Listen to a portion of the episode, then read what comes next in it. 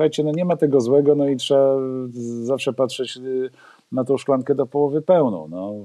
No właśnie, ja nie wiem, czy Michał może patrzeć na całą sytuację. No Michał ma trudną sytuację, ja to rozumiem. W czasach pustych basenów, w erze zamaskowanych biegaczy i uciekających cyklistów, nieliczni zeszli do podziemia, by wspierać się w najcięższej próbie próbie izolacji. Suchy Tor Broadcast. Terapia dla uzależnionych od chloru, potu i ucisku. Siodełka między pośladkami. Powered by Warsaw Masters Team and Run Forest Podcast. Czy uda mi się coś dzisiaj nadać? Nie wiem. Ale będę próbował. Całe życie to robiłem. Nie ma powodu, żeby przestać. Trzeba naparzać, trzeba napierać, trzeba nadawać. Trzymajcie się. Stay tuned. Dawid. Kwarantanna. Słuchaj w iTunes, Spotify i Spreaker. Michał ma trudną sytuację, ja to rozumiem. Bo, bo Michałowi nie zazdroszczę, bo Michał akurat y, działa w tej branży, która dostała chyba najbardziej pod dupie za, powiem, takie w taki dosadny sposób, co prawda jeszcze przed 22. Mm, no bo kilkadziesiąt tysięcy ludzi, które prawdopodobnie miało wziąć udział w imprezach mm, Michała, organizacji, którą Michał prowadzi, niestety nie weźmie udziału i może się okazać, że nie weźmie udziału w ogóle w tym roku. Michał, jak ty sobie radzisz z tą sytuacją? Już nie mówię finansowo, ale jak sobie radzisz psychicznie, emocjonalnie? Co ty w ogóle o tym sądzisz? No, e, generalnie nie jest to sytuacja, w której chciałem się znaleźć, więc jak się domyślacie, staram się e, być optymistą. E, a optymizm w tej sytuacji znaczy, że mam nadzieję, że te imprezy jednak w tym roku chociaż część z nich się odbędzie. E, no bo co mi zostaje, tak? Znaczy, jak, tak jak e, Daniel powiedział, e, mhm. zwykle mówi się o tym, że szklanka jest do połowy pełna albo do połowy pusta. Ja niestety widzę już do tej szklanki, nie bardzo jest czego dolewać, także no właśnie, dlatego przerwałem, przerwałem w tym momencie Danielowi, bo sądziłem, że, mm, że, że, ty masz tą szklankę wysuszoną. Ona stoi przy łóżku. A propos, jest taki kawał o blondynkach. Dlaczego blondynka stawia sobie dwie szklanki, dwie szklanki koło łóżka? Jak kładzie się spać. Jedną do połowy yy, pełną, a, a drugą pustą. Bo, bo, ona nie wie, jak się rano obudzi, czy się będzie chciało pić, czy nie. No ale dobrze, wracając do, yy, wracając do naszego, wracając do naszego. Brwi yy, straciłem po tym dowcipie. Wracając do naszego wątku. Michał, ale czy ty jesteś wciąż tak radykalnie, masz tak radykalne podejście do do obostrzeń, które są wprowadzane w Polsce, jak miałeś na początku, kiedy, y, kiedy one się pojawiały, czy jednak troszeczkę złagodniało Twoje podejście? Trochę bardziej zgadzasz się z tym, że musimy się izolować, musimy zostać w domach i odwołujemy spotkania, biznesy, zamykamy firmy, y, no nie działamy, ograniczamy się w działaniu. Wiesz co, ja mam cały czas bardzo głębokie wątpliwości, czy strategia, którą przyjęło zdecydowana większość rządów na świecie jest tą właściwą. Oczywiście dzisiaj taka dyskusja nie ma większego sensu, bo to jest dyskusja e, o tym, kto ma rację albo nie ma racji. Dokładnie. Się za wiele miesięcy albo za wiele lat. E, natomiast moje obawy są związane e, z takim no, szerokim postrzeganiem życia społecznego. Ja bardzo mocno martwię się nie tylko o skutki pandemii, ale przede wszystkim martwi się o to, jakie skutki społeczne będzie rodziła ta sytuacja, z którą mierzymy się dzisiaj. W aspekcie gospodarczym, w aspekcie relacji międzyludzkich, to wydaje mi się, że te wątpliwości podziela bardzo wielu ludzi. Ja oczywiście daję temu upust e, na Facebooku. Wiele osób mi powiedziało, że jestem tak aktywny na Facebooku, wrzuciłem w ciągu ostatnich dwóch tygodni tyle postów, jak przez ostatnie 10 albo 15 lat. E, także bardzo to przepraszam. E, postaram się już niedługo ograniczyć swoją aktywność, bo wiem, że e, generalnie niczego to nowego nie wnosi. Ale no ja mam te głębokie wątpliwości. Tak? Znaczy staram się, staram się oczywiście jakby respektować zasady, które są wprowadzane i, i, i, i e, nie namawiam do anarchii. Nie mówię w tej chwili, róbcie co chcecie. E, e, nie tak. I absolutnie też nie chciałbym być źle zrozumiany, że bagatelizuję problem koronawirusa. On, on faktycznie jest.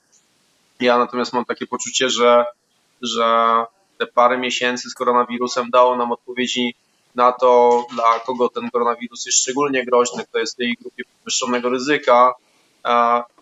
No i trochę rzeczywiście jakby e, mam taki e, sposób myślenia, jakie przejawiają niektóre rządy. Szwedzki, czy, czy, czy e, w jaki sposób podchodzi do tego społeczeństwo w Japonii.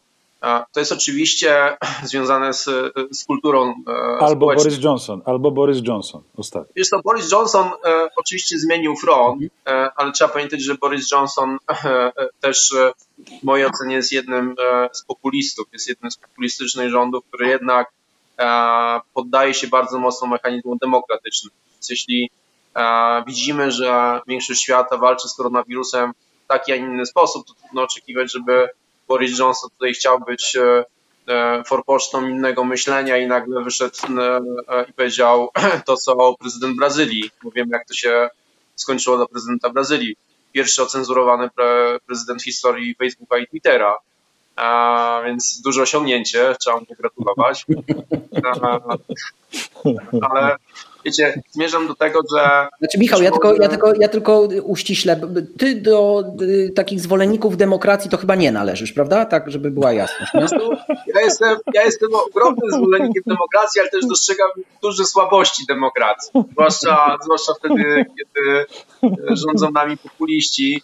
A, Albo każdy, oczywiście- albo każdy oczywiście chciałem, żeby to brzmi zrozumiane, w Polsce nie ma populizmu, absolutnie. My mamy najlepszy rząd i, i jakby najlepsze rozwiązania. Cały świat od nas się uczy. E, Dokładnie. Raz uczymy jedzenia widelcem, innym razem e, uczymy rozwiązywania kryzysów gospodarczych. E, Mhm. Co podkreślam, kryzysu gospodarczego w Polsce nie ma. Nie było zwolnień i właściwie wszystko dzieje się u nas normalnie, prawie tak normalnie jak w Szwecji. Także Daniel, nie martw się, możesz wracać. Nie mam jak na razie. Nie będzie niczego, jak wrócisz. Tak, Michał, ja wiem, jak. ja wiem, ty słuchasz głosu ludu. Muszę o tym powiedzieć. Kiedyś byłem u ciebie na szkoleniu y, z y, zasad bezpieczeństwa. Ono trwało 8 godzin. W życiu nie myślałem, że można o zasadach bezpieczeństwa mówić 8 godzin. To było przed 51-50, ale to było bardzo mądre Szkoda, że, szkoda, że zasnąłeś po 45 minutach, to byś dowiedział się wielu Nie. fajniejszych rzeczy. Nieprawda, to była bardzo, to był bardzo mądry wykład, ośmiogodzinny, dlatego to podkreślam, na którym między innymi w szóstej godzinie dowiedziałem się, co się dzieje, kiedy podchodzi zawodnik do biura zawodów czy do organizatora i pyta się, czy on mógłby trochę tam, a, y, szkolony, y, y, szkoleni byli uczestnicy tego spotkania, że od razu odpowiadamy, że nie wolno. Tak? Jeszcze nie wysłuchaliśmy tego mm, naszego zawodnika. A dlaczego nie wolno? Dlaczego mu w ten sposób odpowiadamy? Bo wiemy, że on zna odpowiedź na to pytanie, ale jest zdenerwowany i potrzebuje się potwierdzić jeszcze raz, prawda, zawrócić głowę organizatorowi. Jeżeli on dalej napiera, to dopiero wtedy pozwalamy mu się wypowiedzieć i zastanawiamy się, czy w ogóle jest możliwa jakakolwiek zmiana. To mi się Znaczy, jak- strasznie podobało. Wziąłem to Znaczy, sobie jak pamiętasz, tak, jak tak. pamiętasz, mówiłem, żebyśmy nie byli zbyt uprzejmi, bo zawodnicy mogliby odnieść wrażenie, że organizujemy tę imprezę dla nich. E, I nie chcielibyśmy, żeby, nie chcielibyśmy, żeby było jakieś nieporozumienie między nami, tak? No tak. Michał, chciałbym się zapytać Ciebie, czy w związku z tym, jesteś dużym przedsiębiorcą, tak naprawdę prowadzisz bardzo duży biznes dla ludzi, dla społeczeństwa. Czy w związku z tym, że zostały spowodowane ograniczenia, przez które ty nie możesz prowadzić tego biznesu, nie możesz świadczyć usług. Ja wiem, że ktoś powie, no sport nie jest istotny, no ale ustalmy tak, zajmujemy się jedną z najbardziej istotnych y, spraw y, z nieistotnych. Więc jeżeli się nim, nim zajmujemy, to powiedz mi, czy ktoś się do ciebie zwrócił y, z, z rządu, samorządu, organizacji państwowej, kto chciał ci w jakiś sposób pomóc w tych trudnych czasach? Nie no, cała kolejka stoi, wiesz co, musisz odpowiadać, jakby nie wiem właściwie co... Pytam tym czy ktoś, no pytam cię, czy chociaż mam tyle jedna osoba. propozycji- Mam tyle propozycji pomocy, że właściwie nie wiem, którą odrzucić jako pierwszą. Nie no, oczywiście nie, nie, nie be- be- bez żartu. No, prawda jest taka, że rzeczywiście cała nasza branża została pozostawiona e, e, w dramatycznej sytuacji, bo my my formalnie mamy zakaz prowadzenia działalności. To jest Tak. dane rozporządzenie, nam nie wolno niczego robić. Jest wyraźnie napisane, że nam nie wolno nie tylko organizować imprez, ale uważaj, nie wolno nam ich promować, nie wolno ich sponsorować, nie wolno nawet zarządzać organizacjami sportowymi.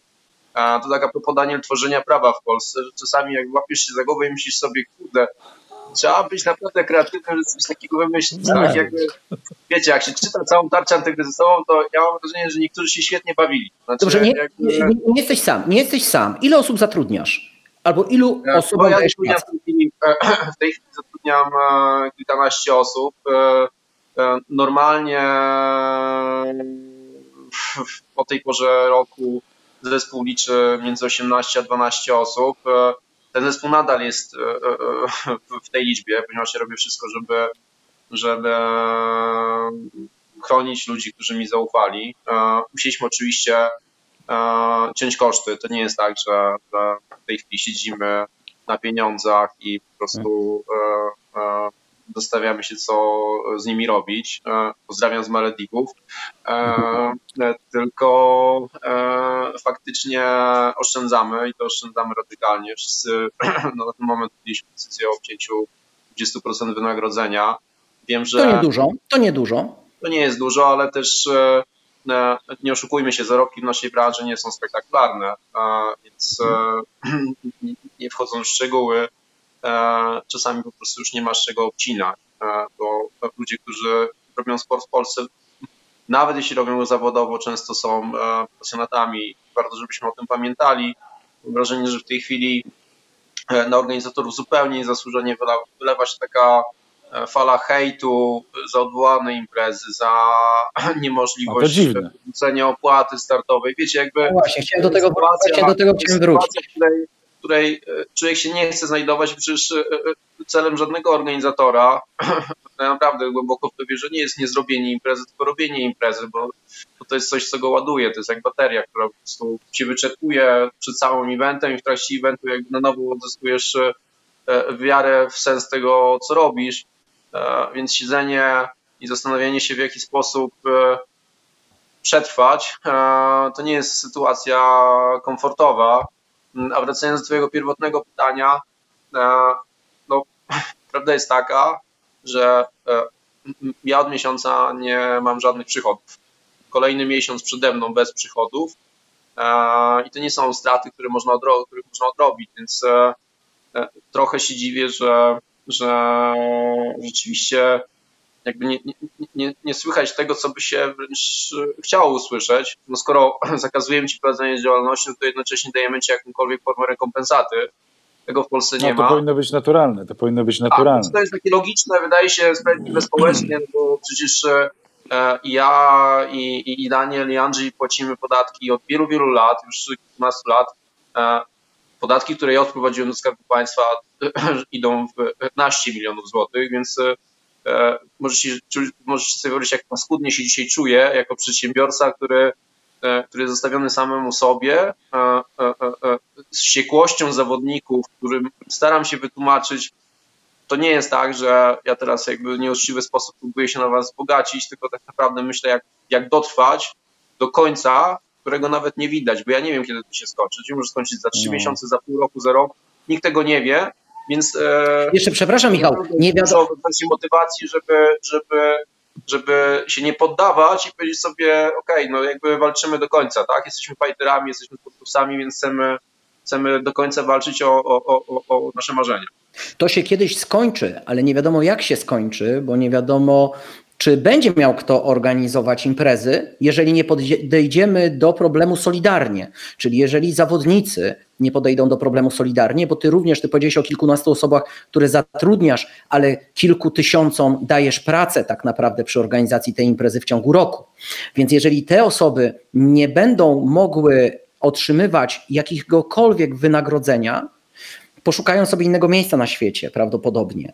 W związku z tym ci zawodnicy nie będą mieli gdzie wrócić. My dzisiaj myślimy, my dzisiaj się martwimy o tych sportowców, którzy czy dostanie stypendium sportowe, czy dostanie pieniądze od sponsora, czy sponsor mu nie obetnie apanarzy, a my nie myślimy o tych, którzy zamiatają korty, y, którzy strzygą trawę, y, którzy rozwieszają, rozstawiają namioty, tak jak u ciebie, czy, czy, czy rozstawiają trasę pływacką i tak dalej, i tak dalej, bo oni za chwilę y, mogą się przekwalifikować, oni mogą za chwilę poszukać sobie zu, zupełnie innego miejsca na ziemi i już do tego nie wrócą. Ci zawodnicy również, jeżeli nie będą mieli tego zaplecza, nie będą mieli e, do czego, do czego wrócić. E, właśnie ty mnie uprzedziłeś, bo ja się chciałem zapytać, czy ty już zwróciłeś te wszystkie mm, wpłacone wpisowe zawodnikom, czy, czy jeszcze nie, czy, czy jesteś w trakcie, czy jak to w ogóle wygląda, czy, czy po prostu to wpisowe jest przełożone na inny termin, kiedy będziesz mógł wykonać, y, zrealizować imprezę, Mm, bo szczerze mówiąc nie wiem, jak wyglądają takie sytuacje.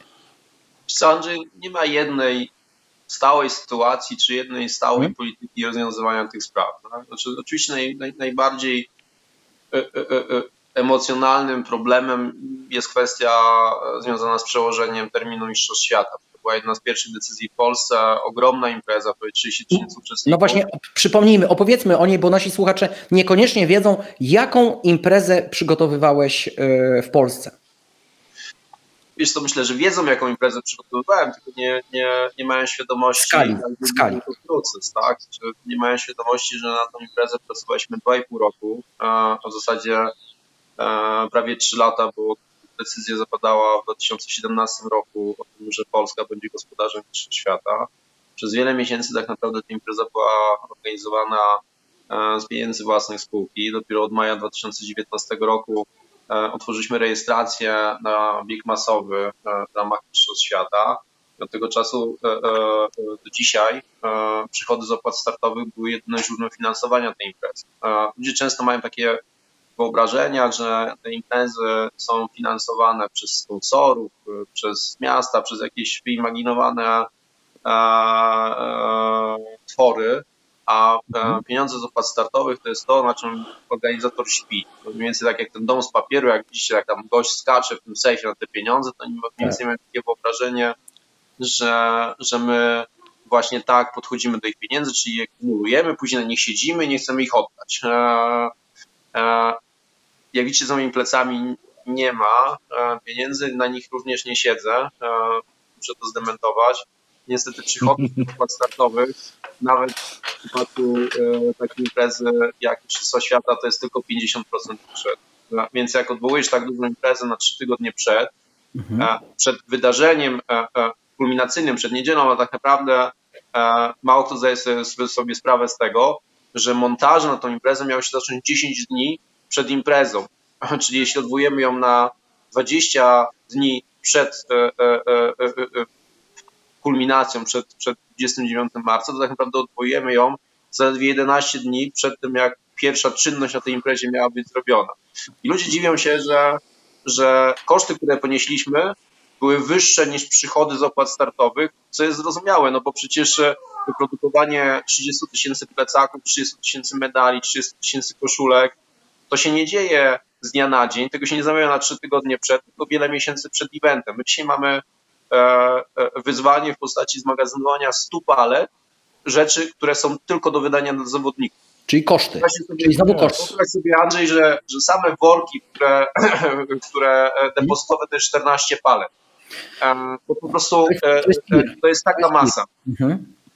To jest E, I, Mhm. e, no i wiecie, jakby ci, którzy śledzą, a ci, którzy nie, no to my, my po prostu powiedzieliśmy, słuchajcie, nie jesteśmy w stanie oddać, bo nie mamy tych pieniędzy. Nie jesteśmy w stanie ich oddać, no bo już wydaliśmy je na to, co e, e, zagwarantowaliśmy, do czego się zobowiązaliśmy, żeby zorganizować tę imprezę. W związku z tym możemy wam oczywiście oddać e, ten plecak, tę, tę koszulkę. Niektórzy nie, nie zaakceptowali faktu, że byliśmy nie, ale nie oddamy wam medalu, bo medal jest nagrodą za ukończenie biegu. Zapraszamy Tak. 17 października. Tak. A powtarzamy, to nie była nasza decyzja, to była decyzja administracyjna. Ktoś po prostu przyszedł i powiedział, w tym terminie tego nie zrobicie. Mhm. I wiecie, to było trzy tygodnie temu i ludzie powiedzieli e, to przedwcześnie, spanikowaliście, ulegliście histerii. Trzy dni No, później w Polsce był, był, był, był pierwszy lockdown, a e, dzisiaj e, jesteśmy mniej więcej dwa dni, trzy dni po terminie, w którym miały się odbyć Mistrzostwa Świata i chyba nikt nie wyobraża sobie, że ta impreza mogłaby dojść do skutku. Więc wiecie, myśmy Nie ma wzięli opcji, nie ma opcji. Przerwy. Trzeba ratować, tak, trzeba ratować sytuację, żeby ona się w ogóle odbyła na przykład na jesieni, prawda? Słuchajcie, no, je- jeżeli jest jakiś hejt na organizatorów w związku z taką sytuacją, że coś się nie odbywa w wyniku decyzji administracyjnej, to jest absolutnie nieuzasadnione. I Ja bym się, no oczywiście wiem, że to jest trudne, ale bym się w ogóle tym nie przejmował i apelowałbym do wszystkich zawodników, do wszystkich sportowców o zrozumienie. Jak ja bym, ja, jak startowałem w Michała imprezach, płaciłem rok do przodu, tak? Jak była rejestracja, za rok były zawody. Nigdy na jednych nie byłem, bo chyba nie mogłem. Nigdy nie przyszło mi do głowy, że ja będę ubiegał się jakiś zwrot pieniędzy. A w tej sytuacji jest to w dwójnasób y, trudna sytuacja dla organizatora i, i jakiekolwiek pretensje zawodnicy powinni mieć do, do rządu, do administracji publicznej. Y, Dlaczego? No ale też nie mogą mieć, bo administracja publiczna zajmuje się całym krajem. My jesteśmy no, tą y, sferą sportowo-rozrywkową, tak?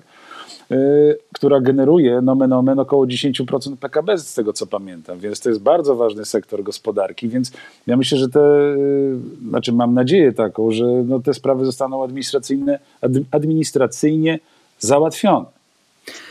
Jeszcze jest jeden wątek. No, ja mówię tylko jedno słowo, e, żeby też oddać trochę jakby, prawda jest taka, że większość ludzi to rozumie. E, Jest oczywiście No. grupa ludzi, którzy prezentują postawę, nie obchodzi mnie to. e, No to było bzdura.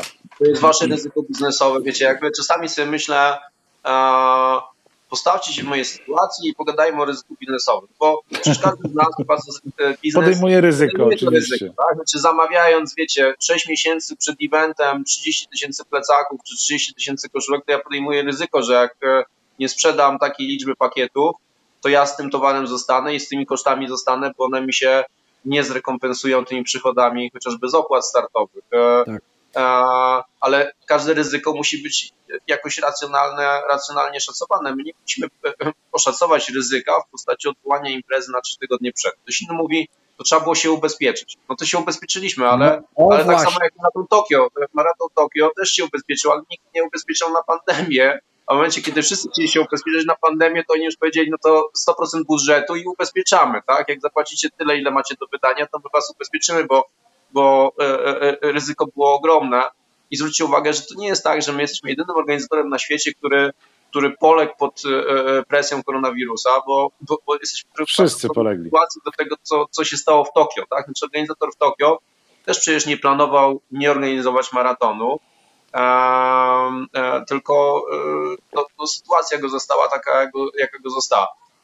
E, myśmy mieli... Zwrócił pieniądze, przepraszam, zwrócił Nie, organizator. nie zwrócił pieniędzy, nie zwrócił pieniędzy i nie zaproponował tak naprawdę niczego jako świadczenie zastępcze. Myśmy, ponieważ ja, ja zawsze gdzieś dosyć wysoko, czy bardzo wysoko stawiam sobie etykę, to my powiedzieliśmy, no okej, no to automatycznie przepisujemy wasze Tak. pakiety na, na ten przeniesiony termin.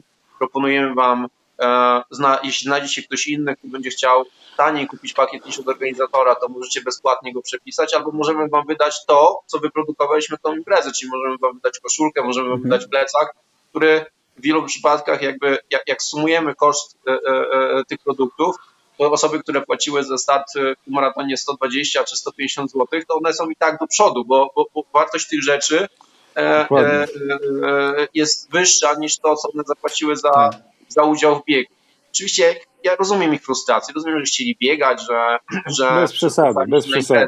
Mhm. e, ale e, też nie potrafię zrozumieć takiej postawy, która kompletnie e, jest taką negacją rzeczywistości. Tak? Nie obchodzi mnie to, to jest wasz problem. Nie, Nie, macie nie, nie, pieniędzy, nie. to weźcie pożyczkę. No, oczywiście pójdę do banku, nie mając żadnych przychodów i poproszę o 4,5 miliona kredytów. E, e, każdy bank po prostu powie, panie Michale, gdzie przesłać. E, To jest, to jest oczywiste, wiecie, jakby no teraz banki tylko czekają, żeby, żeby dawać firmom bez przychodów e, e, milionowe kredyty. Tak, dokładnie. Mm, O, i mamy bardzo ważny głos prawnika Zbyszka Paluszaka, O, naszego mastersa. Ja go tutaj wyświetlę i przysłonię mm, nasze podpisy. właśnie o tym Zbyszek- chciałem powiedzieć. Właśnie chciałem o tym powiedzieć, co pisze Zbyszek Paluszak. Przeczytaj, Andrzeju.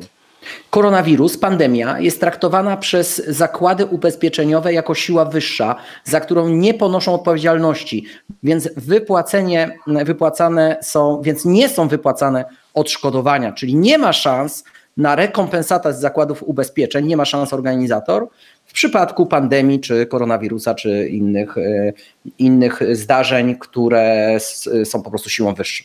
Ja tylko dodam, że ponieważ właśnie chciałem to dodać, że a propos siły wyższej, tu mamy do czynienia z ewidentną siłą wyższą, na którą nikt nie ma wpływu.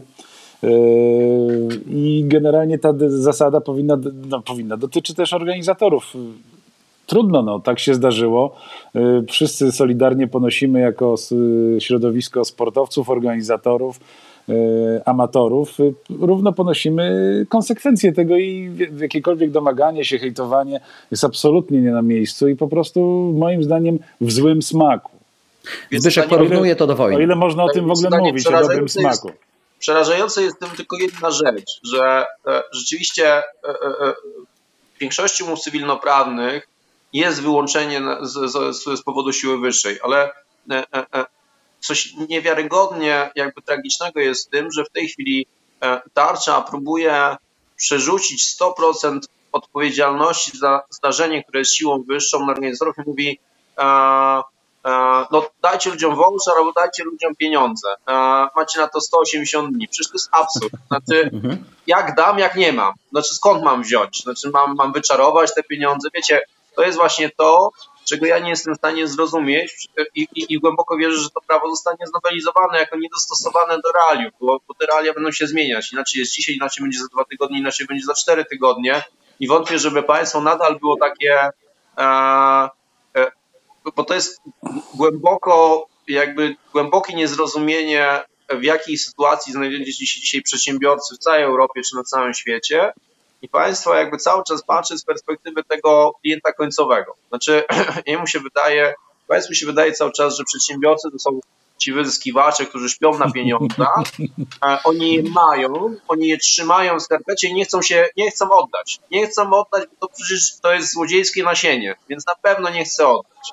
I myślę, że jak się tworzy prawo myśląc w ten sposób, to na koniec wychodzą takie kwiaty, tak? A później ludzie to czytają e, i wiecie, że czytają prawo literalnie, czyli nie potrafią go interpretować, nie potrafią jakby zauważyć, że, że y, y, nawet jeśli coś czytamy literalnie, to niekoniecznie wykładnia prawna jest Oczywiście. taka, jak czytamy i niekoniecznie Oczywiście. E, dany zapis e, można interpretować e, w oderwaniu od innych zapisów prawa.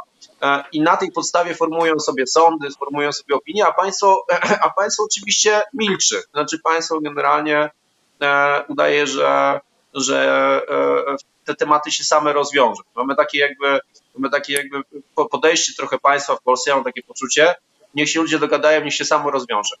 A, jak się rozwiąże samo, to, to my już nie będziemy musieli ingerować, nie będziemy musieli jakoś tam chodzić w środek, bo jak będziemy wchodzić w środek, to może jeszcze dostaniemy e, rykoszetem. Tak. Słuchajcie, przerwę tylko na chwilkę. E, pochwalę się, że na kwarantannie nie zanika mi pamięć pomimo ograniczonego ruchu i zasady prawa rzymskiego pamiętam, co Zbyszek Paluszak potwierdza. Dzięki Zbyszku.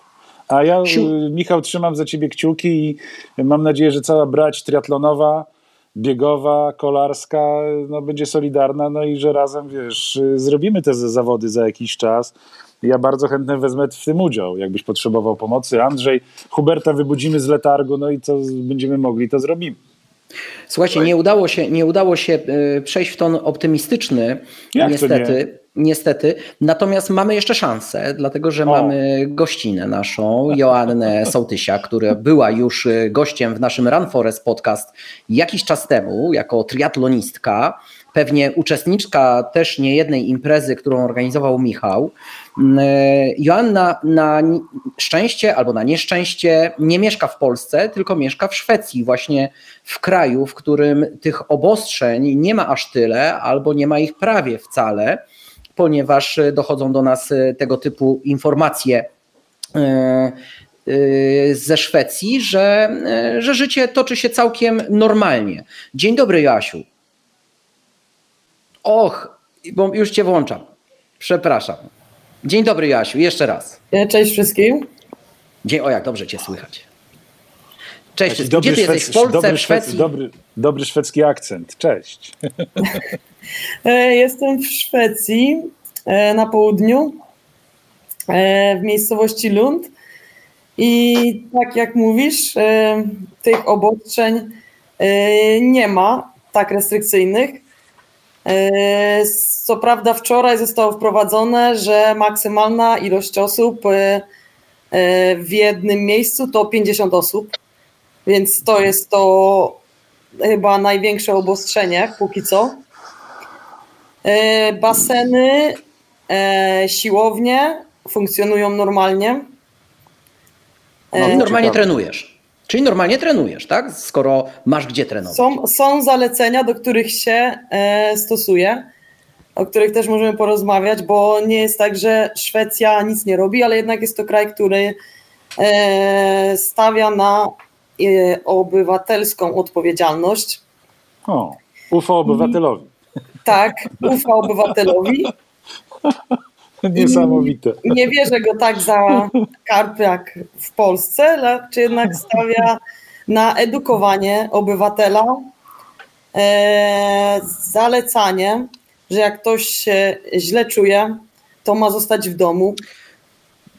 Ale podobno to nie jest nowa rzecz w Szwecji. Podobno taka jest tradycja, że Szwed, jeżeli się źle czuje, kicha, prycha, kaszle, to nie wychodzi z domu. Po prostu zostaje w tym domu i pracodawca jest bardzo wyrozumiały, bo w jego interesie również jest, żeby nie zarażać e, pozostałej części pracowników zespołu. I, I tak jest. I nawet y, co ciekawe, właśnie co y, w Polsce chyba nie funkcjonuje, ale do 14 dni pracownik może być chory i nie musi przynosić zwolnienia lekarskiego.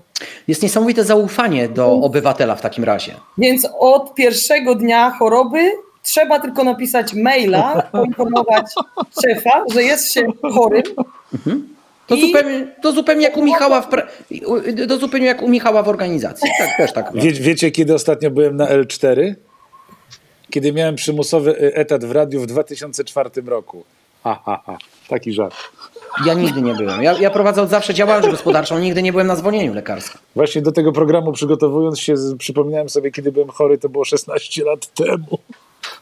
Ale właśnie y, tak y, porównując y, podejście Szwedów, y, ja na przykład miałam biec w biegu dokładnie półtora tygodnia temu, 22 marca i był to dość duży bieg, około 300 osób i organizator wziął sam odpowiedzialność. Nie było wtedy zakazu, że nie można e, mieć, e, bo w Szwecji było dozwolone do 500 osób jeszcze dwa dni temu.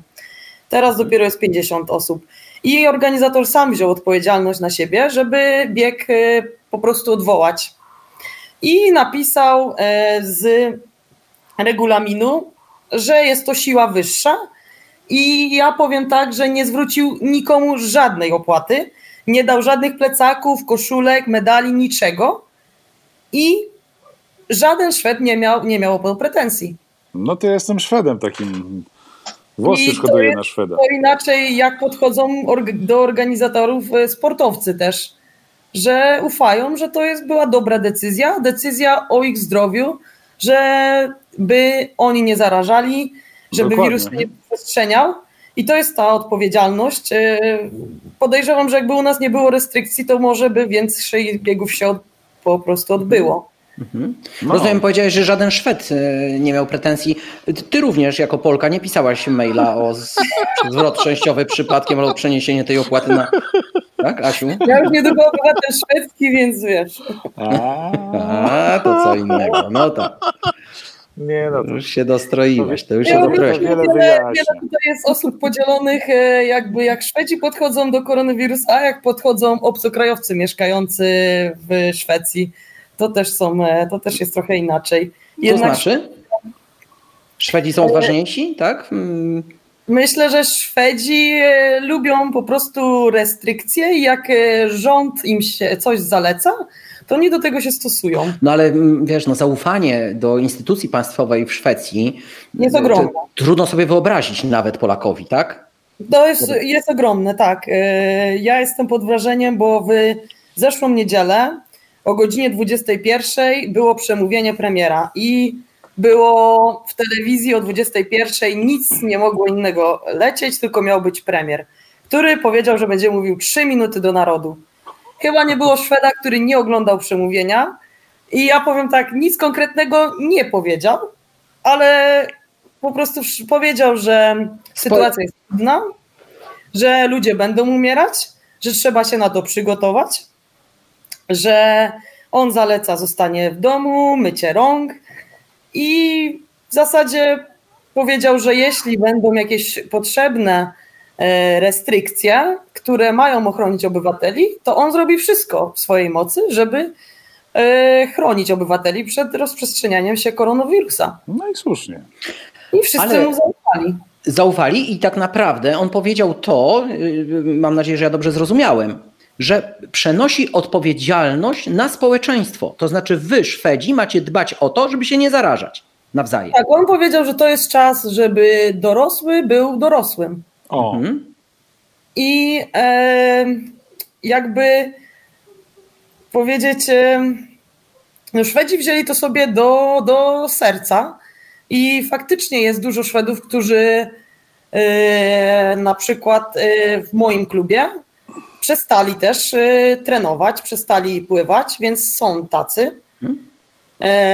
I faktycznie na przykład jak siedzimy na lunchach w, w, w firmie, to przy stole na przykład ograniczona jest ilość osób, że tylko maksymalnie trzy osoby.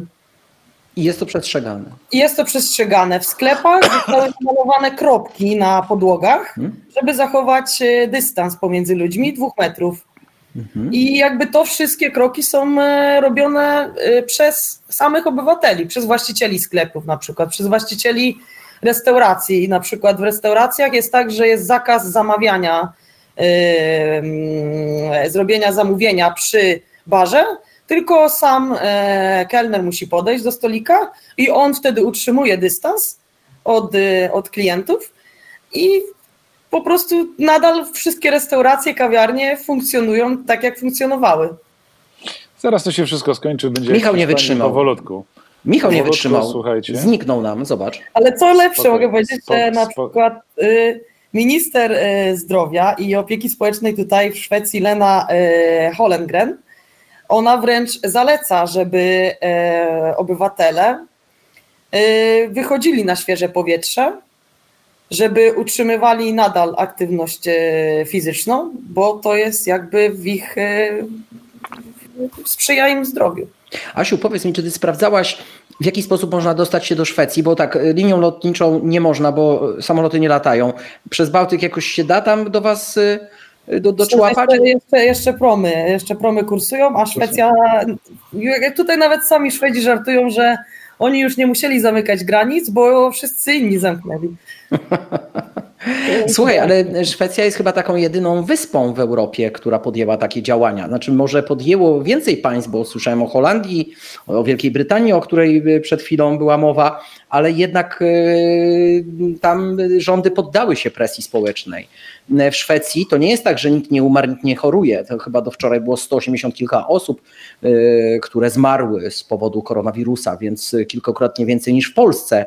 Ale rozumiem, że to nie robi wrażenia na Szwedach i na, na rządzie szwedzkim. Znaczy nie jest powiedziane, że Szwedzi moim zdaniem nie wprowadzą jeszcze restrykcji, bo często jest tak, że mm, Szwedzi wprowadzają po prostu pewne y, restrykcje za późno, jak mieszkam w tym kraju. I po prostu nie widzą konsekwencji i nie jest powiedziane, że za dwa tygodnie nie będzie tak jak u nas w Polsce. Właśnie ja będzie zaraz u was hmm. tak jak bo, u mnie tutaj na, bo, na wyspach. Po prostu idzie wolniej, wolniej, wolniej, ale jednak codziennie są jakieś takie minimalne restrykcje. Na przykład zamknięte są kurorty od dzisiaj, y, narciarsko-snowboardowe. Mhm. Y, więc pewne restrykcje są robione, tylko wydaje mi się, że jest to wolniej. Słuchaj, jak Szwedom zakażą y, biegać na nartach biegowych, to już w ogóle będzie tragedia. To, to chyba będzie ostatnia rzecz, którą y, restrykcyjna, którą wprowadzą Szwedzi, bo to przecież sport narodowy. Mm, ale miło słyszeć, że są jeszcze kraje, czy jest kraj, w którym to obywatel decyduje o tym albo dba o to, żeby nie zarażać innych. A nie ma takiego poczucia, że jest to egoistyczne podejście, które nie chroni najsłabszych, czyli ryzykujemy, że te starsze osoby, które najbardziej są narażone na konsekwencje wynikające z zachorowania na koronawirusa, mm, że po prostu oni się w tym momencie za mało dba. E, no bo, no bo co one mają zrobić? Właśnie ja powiem tak, że są robione też e, e, priorytety codziennie, najwyższe priorytety. I właśnie Szwedzi priorytet stawiają osoby z grupy ryzyka, czyli osoby obciążone chorobami oraz osoby starsze. I właśnie do nich jest najwięcej zalecenia, żeby to oni zostali w domu, ale żeby nie ograniczać swobody obywateli zdrowych, którzy nie są w grupie ryzyka. Więc tutaj jest duża świadomość y, osób starszych, które jednak mimo wszystko to one same podejmują decyzje. I tak jak w mojej pracy, ja na przykład, y, dlatego y, też do ciebie machałam, Andrzej, mhm. żebyśmy zaczynali, bo ja muszę iść do pracy jutro. Więc... się bałem, że dzisiaj na nocną zmianę. Tak. Nie, nocne zmiany mamy dopiero w maju. E, więc u nas produkcja idzie normalnie, jest powiedziane business as usual. Więc wracając właśnie do tych osób, to jest u nas w pracy normalnie przychodzą i mimo, że mogą takie osoby po 50 roku życia pracować z domu, zdalnie, one wolą przyjść do pracy, bo czują, one same mówią, że one same podjęły tą decyzję i wiedzą, że jest takie, jest sporo osób, które zostaje z tych grup ryzyka w domu, ale takie, które po prostu y, chcą podjąć to ryzyko. Michał, czy, Michał, czy ty to słyszysz? Michał, czy ty to słyszysz? To jest demokratyczne państwo, a zobacz, jak zupełnie inaczej podchodzi do obywatela. Mm, to, co Janna powiedziała, na chwilę uciekłeś. Y, Joanna mówiła, że mm, to może się zmienić, bo kolejne restrykcje są wprowadzane, są wprowadzane prawdopodobnie za późno, ale, ale to podejście do obywatela, że to on przejmuje odpowiedzialność za swoje zachowanie i, jest dorosły i ma po prostu dbać o to, żeby nie zarażać innych i, i nie rozprzestrzeniać choroby. Mm, chyba wszystkim nam się podoba takie podejście. Znaczy, jest mi dużo bardziej, jest mi bliższe niż e, to restrykcyjne prawo, które wprowadza się w Polsce. Wiesz co, być może to jest ostatnie demokratyczne państwo w Europie, tak naprawdę. A, tak serio, e, jest to tak, tak, tak, tak mi się rodzi w głowie taka w ogóle e, konkluzja tej naszej dzisiejszej dyskusji, że rzeczywiście trochę mam takie wrażenie, że my w Polsce jesteśmy na takim poziomie gombrowiczowskiego ukupiania. To znaczy my, my sami zaczynamy jakby sobie wkręcać taki film E, że jesteśmy tak nieodpowiedzialni, że państwo musi wyprzedzić naszą nieodpowiedzialność. E, więc e, urzędnicy mhm. siedzą i kminią, jak no bardzo tak. nieodpowiedzialny może być Polak i jak mógłbym zapobiec temu, czego jeszcze nie zrobił, ale na pewno zrobi swojej nieodpowiedzialności. Efekt jest taki, że jak ja widzę ludzi czekających na, przy temperaturze 3 czy 4 stopni 70 minut na to, żeby wejść do Biedronki, zwykle to są emeryci, to tak. sobie myślę, że e, akurat e, przed Wielkanocą to jest idealne rozwiązanie, żeby ludzi trzymać półtorej godziny e, w oczekiwaniu na wejście do sklepu. Na pewno poprawi nasze zdrowie, na pewno poprawi nasze samopoczucie i na pewno spowoduje, że mniej osób zachoruje na koronawirusa. Tak samo wiecie, jakby już te restrykcje, które zostały wyśmiane, no tam odległość 150 centymetrów od stanowiska pracy, to by oznaczało, że większość ZUS-ów i urzędów skarbowych należałoby natychmiast zamknąć, ponieważ tam nigdy nie są zachowane takie odległości. Eee, a Ale to by oznaczało, że ten milion wniosków o, o wrzucenie płatności ZUS zostanie wypłacony dopiero w 2021 roku. Eee, to, to już jak, jakby zupełnie na boku, eee, wiem, że teraz pewnie wykraczam poza granicę naszej rozmowy, wyobraźmy sobie teraz e, i spróbujmy się nie uśmiechnąć pod nosem, że Polska dostarcza 17 milionów listów i, o, o, i odbiera z powrotem w ramach wyborów, to myślę, że efekt będzie całkowicie podobny, jakbyśmy zrobili te wybory w marcu 2021 roku, bo mniej więcej w tym samym czasie mielibyśmy wyniki. E, I e, wiecie, mi się wydaje, że naprawdę to podejście szwedzkie no, nie jest nieracjonalne. Ono właśnie jest na wskroś racjonalne, bo jeśli ja dzisiaj mieszkam pod lasem i wiem, że mogę wyjść o takiej porze, że nikogo nie spotkam, nawet jak minę, to minę go 3,5 metra albo 5 metrów i, i, i, i nasz kontakt wzrokowy będzie utrzymany przez 3 sekundy, to może nie ma co wariować, tak? Znaczy, jeśli e, e, kładę się E, mam nadzieję, że to żadna tajemnica. Jak kładę się spać ze swoją dziewczyną, e, to nie chciałbym udawać, e, robić siebie idioty, że idąc na spacer czy do sklepu trzymam odległość dwóch metrów od niej, no bo wiecie, no to naprawdę jakby ktoś tak. to sobie myśla, naprawdę uważam, że mam ubaw mhm. i, I, i akt ślubu, i akt ślubu zawieszać na szyi. Tak? No, nie możemy się dać zwariować, więc ja mam wrażenie, że niestety E, e, współczuję takim, takiej policji, tak? No bo oni wiedzą, że niektóre te przepisy są tak kompletnie nieżyciowe, niedostosowane do realiów, że właściwie nie wiadomo po co się je wprowadza. Znaczy, wprowadza się je chyba po to tylko, żeby ludzie mieli jeszcze większą złość na tą sytuację. E, e, bo, bo, bo, to jest zasłona dymna. Znaczy, ona, on, one w mojej ocenie nie rozwiązują problemu, czy meritum problemu, ale, ale pozwalają się skupić na czymś zupełnie innym i my dzięki temu dwie godziny możemy sobie dywagować, e, czy e, powinniśmy trzymać odległość od partnera 120, 160 czy 250 centymetrów. Nie wiem, mhm. czy jakiś Ja jeszcze mogę powiedzieć, że w Szwecji są zamknięte szkoły ponadgimnazjalne, czyli szkoły średnie i uniwersytety, ale nadal są otwarte przedszkola i szkoły podstawowe. I tu znowu rodzi się pytanie, dlaczego? I jak racjonalne podejście ma, ma Szwecja, moim zdaniem, ponieważ y, y, wyjaśniają, że jeśli by przedszkola i szkoły podstawowe zostały zamknięte, to te dzieci, one są zbyt małe, żeby jeszcze uczyć się y, online, po pierwsze, a po drugie, kto osoby, które się nimi zajmują, czyli rodzice, musieliby iść do pracy, więc kto by się zajmował dziećmi? Os czyli dziadkowie. Osoby, które są najbardziej narażone z grupy ryzyka. Więc dlatego tutaj przedszkola i szkoły podstawowe są e, otwarte, a szkoły średnie i uniwersytety po prostu jest nauka online, bo wierzą, że to są już e, osoby dorosłe wystarczająco, które mogą, e, które dadzą radę po prostu z, z, z nauką przez internet. I specjalne są platformy stworzone do tego, e, więc e, pewne kroki jednak są, myślę, przemyślane. Dlaczego pewne decyzje są podjęte? No, Asiu, dzisiaj możemy pozazdrościć tej sytuacji, którą masz w Szwecji, ale czy będziemy zazdrościli tobie za kilka tygodni, kiedy okaże się, że e, poszło w to w, nie w tą stronę, e, o której myśli premier, to się dopiero okaże, czy, czy troszeczkę nie będziemy łagodniejsi w tej naszej ocenie i, i zachwycaniu się systemem szwedzkim i walki e, Szwedów z koronawirusem.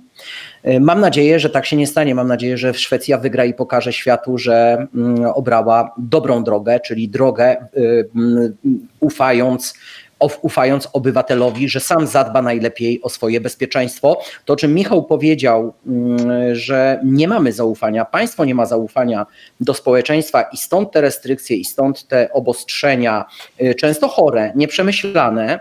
Zbyszek Paluszak poruszył niedawno bardzo ciekawą kwestię, że również dotyczy to pracodawców, y, czyli dzisiaj, kiedy pracodawcy wysłali swoich pracowników na home office, może się okazać, że nabiorą zaufania, bo zobaczą, że ci pracownicy nie muszą być pod pełną kontrolą u siebie e, w tych open space'ach, żeby patrzeć im na ręce i słuchać, co mają do powiedzenia e, przez 8 godzin, a może czasami więcej, tylko wykonają sumiennie, rzetelnie swoją pracę w domu, może nawet jeszcze lepiej. Czyli ten optymistyczny mm, akcent, jaki może wypływać z całej tej sytuacji, jest taki, że może nabierzemy więcej zaufania. Państwo do obywatela, pracodawca do pracownika i odwrotnie.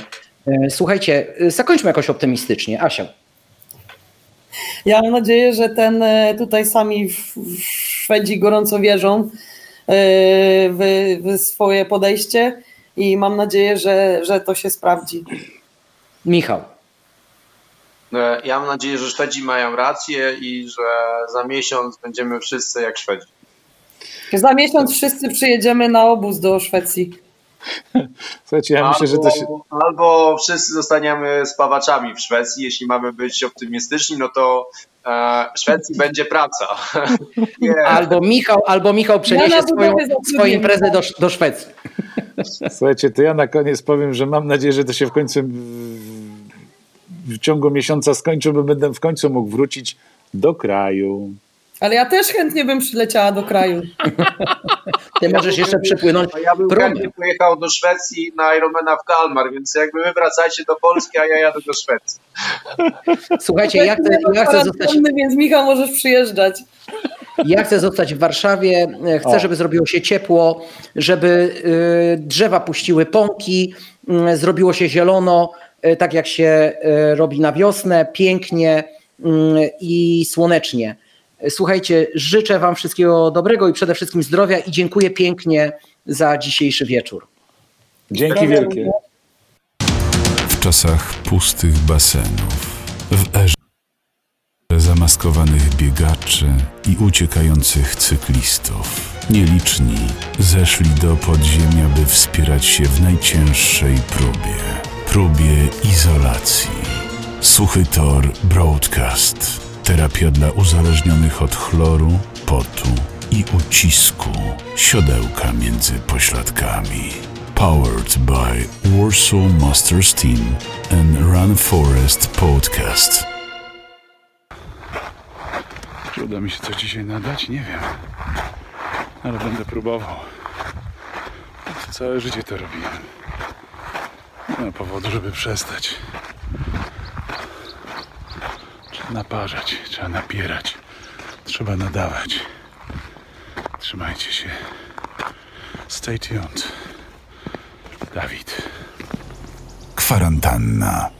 Słuchaj w iTunes, Spotify i Spreaker.